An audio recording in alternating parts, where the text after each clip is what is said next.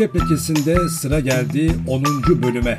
Felsefe ve siyasetin konularını psikolojik açıdan ele alıp cesur sorular sormaya çalışıyorum bu programda.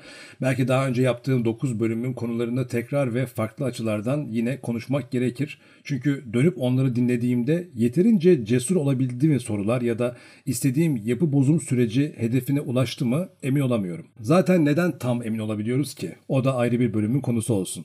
Son iki bölümde bencillik ve sosyalleşme üzerine konuşunca haliyle yalnızlık korkusu da önümüze geldi. İnsan yalnız mıdır? Yalnızsa yalnızlıktan niçin korkar? Yalnız değilse niçin? Yalnız olmak tek başınalık mıdır, dışlanmak mı? Yalnız hissedenler, yalnız kalmak isteyenler ve gökyüzünde yalnız gezen yıldızları şöyle alalım. Yalnızca yalnızlık konuşacağız çünkü. Dün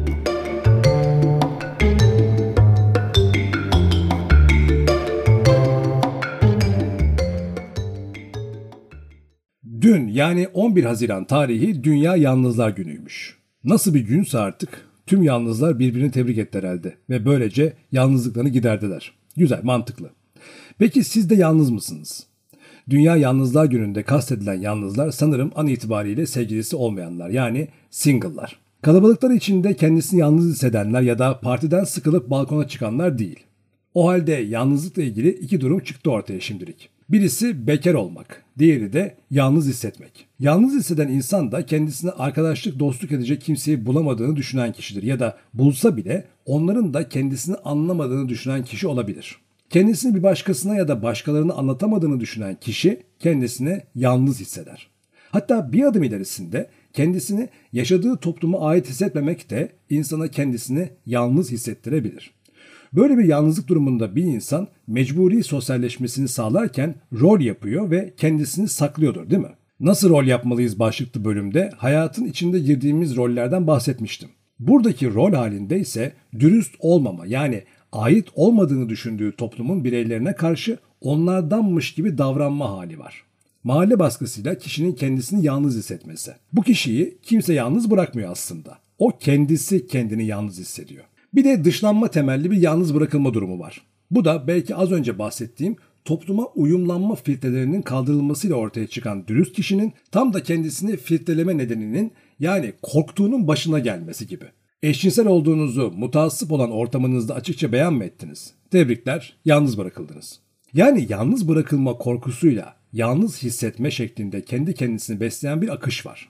Toplum içinde statü, cinsel tercih, cinsiyet, ırk, etnisite, inanç bağlamında bir araya gelerek beraber yaşayan mahallelerin, gettoların olması da bundan. Tercihi, fikri, inancı, ırkı, dili, ten rengi nedeniyle genel içinde yalnız bırakılan insanlar dışlanma sebebi olan benzerlikleri üzerinden örgütlenirler. Yalnız bırakılmakta, yalnız hissetmekte politik bir durum bu nedenle. Yalnız bir filozof olan Arthur Schopenhauer'a kulak verelim o zaman. Kendisinin sözlerinden derlenmiş olan Hiçliğin Mutlu Sessizliği isimli kitapta şöyle bir sözü var. Gençler yalnız bırakılmaya dayanma konusunda erkenden eğitilmelidir. Çünkü yalnızlık mutluluğun ve iç huzurun kaynağıdır. Burada da Schopenhauer yalnız bırakılmaktan bahsediyor ama bu bahsi mutlu bir sonla bağlıyor. Biraz yalnız kalmak istiyorum diyen kişinin talebi olan yalnız bırakılmak esasen dışlanmak, yalnızlaştırılmak değil. Ancak Schopenhauer yalnızlaştırılsan da, yalnız bırakılsan da yaşayacağın yalnızlık aynı ve bu da senin iç huzurunun kaynağıdır demiş oluyor. O halde yalnızlık kötü de hissettirse, kendi isteğinizle de gerçekleşse aynı eylemi imliyor ve iç huzurunuzu bulmak adına size bir fırsat sunuyor olabilir mi? O bitmek bilmeyen mutluluk arayışının kaynağı acaba yalnız kalmakta mı? Şimdi o zaman bu yalnız kalma halini simüle edelim. Şu anda bu podcast'i dinlerken yalnızsınız. Etrafınızda kimse yok. Bu sizin yaptığınız bir eylem ve bu eylem sizin vaktinizi dolduruyor. Bu yayın bittiğinde belki başka bir yayın dinleyeceksiniz, belki bir şey okuyacaksınız ya da çıkıp gezeceksiniz. Yanınızda fiziksel olarak birinin olmamasından kaynaklı yalnız bir eylem halindesiniz. Ve tüm bunları ard arda yaptıktan sonra diyorsunuz ki benim canım sıkıldı hadi birini arayayım. Yani etkileşim dediğimiz zamanı doldurmak için bir başka kişiyle görüşme isteği. Aslında o ana kadar da yalnız değildiniz eyleminizde. Çünkü karşınızda ben vardım, sonra kitabın yazarı vardı, ardından televizyonda konuşan birileri vardı. Hatta en son hiçbir eylem yapmayıp tek başınıza düşündüğünüzde bile karşınızda kendiniz vardınız ve o karşınızdaki kendiniz yine başkalarıyla yaşadığı deneyimlerle karşınızdaydı.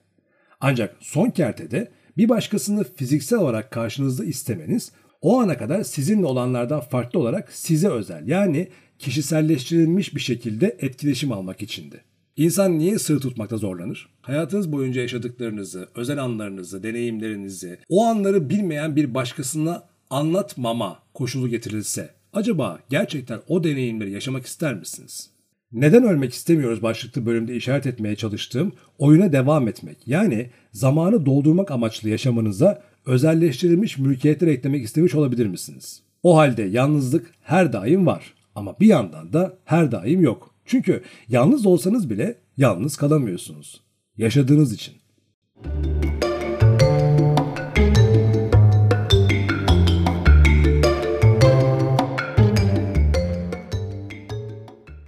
Alexander Payne'in yönettiği ve başrolünde Jack Nicholson'ın oynadığı 2002 yapımı Schmidt hakkında filminde hayatı boyunca üst düzey yönetici olarak çalışmış bir adamın emekliliğinde kendisini bulma sürecine girip nasıl yalnız kalmakla yalnızlaşmak arasında çatışma yaşadığını görürüz. Yalnız kalmak iyi ama yalnız olmamak kaydıyla. Gerçekten hiç arkadaşı olmamış, bir sevgilisi ya da dertleşeceği bir kardeşi olmamış birinin aynı zamanda kendisine ait özellikler nedeniyle toplum tarafından da dışlandığını ya da ötekileştirildiğini düşündüğümüzde yalnız bir yalnızlaştırılmış çıkar karşımıza. Ve işte bu durumun yaratacağı psikoloji de gerçekten bir psikoz haline gelebilir. Etrafında kendisini seven, ona değer veren ve sürekli ilgilenen çokça insandan sıkılıp yalnız kalmak istemekle yaşanacak yalnız kalma gerçekten kimsesi olmayan birinin yaşadığı yalnızlıktan farklı görünüyor. Sizce de öyle değil mi? Schopenhauer bu ikisinin de aynı kapıya çıktığını söylüyor. Eylemsel olarak buna katılıyorum ama duygusal bir farklılığı olduğu kesin. Birisi bir lüks, diğeri mecburiyet gibi. Çok kullanılan bir söz vardır.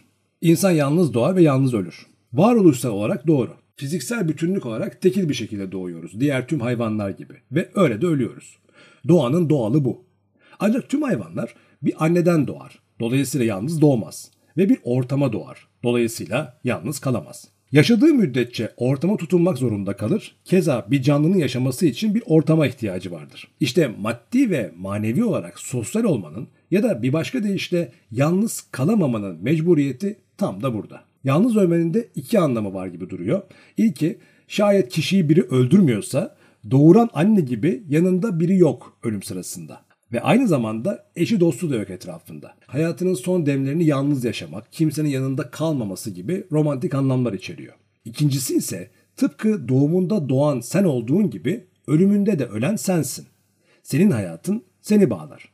Senin hayatım dediğin senin bildiğinden ve anladığından ibaret. O nedenle sonuçta yalnızsın.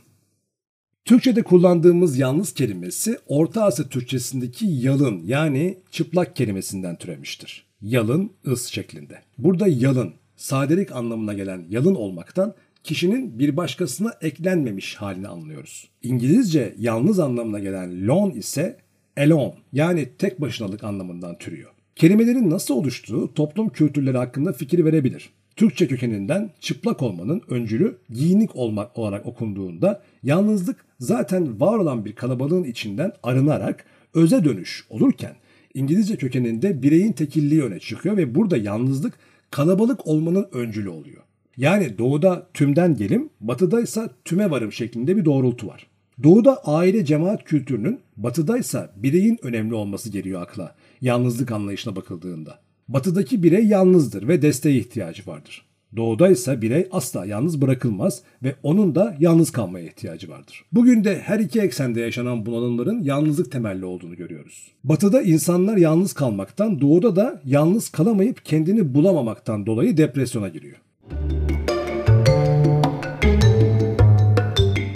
İnsanın yalnızlık korkusunun mülkiyetle ilişkisi de bana göre ayyukta duruyor. Kaybetme korkusuyla yalnızlık korkusu hem benzer hem de birbirini besliyor. Kaybetmek için kazanmak ya da kazanmış olmak gerekir ve korku da eldekinin yitiminin korkusudur. Yalnız insan güçsüzdür çünkü desteği yoktur.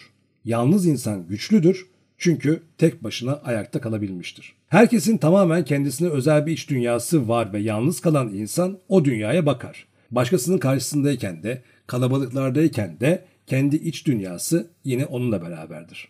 O halde bu yalnızlık gerçeğini bilen yalnızların bir arada yaşamından söz edilebilir. O zaman modern insanın ezbere sosyalleşmesinin getirdiği kaotik ve anlamsız etkileşimler yerini zamana değer katan muhabbetlere dönüştürebilir. Mürekkep lekesinde keyifli olduğunu düşündüğüm bir yalnızlık bölümü yaptık. Bölümün sonuna gelirken Şimit filmini ve yalnızlık temalı filmlerden Nuri Bilge Ceylan'ın Uzak filmini tavsiye edeyim.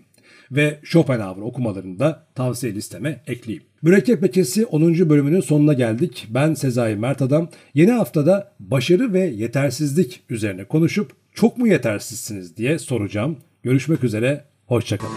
Yalnızlık var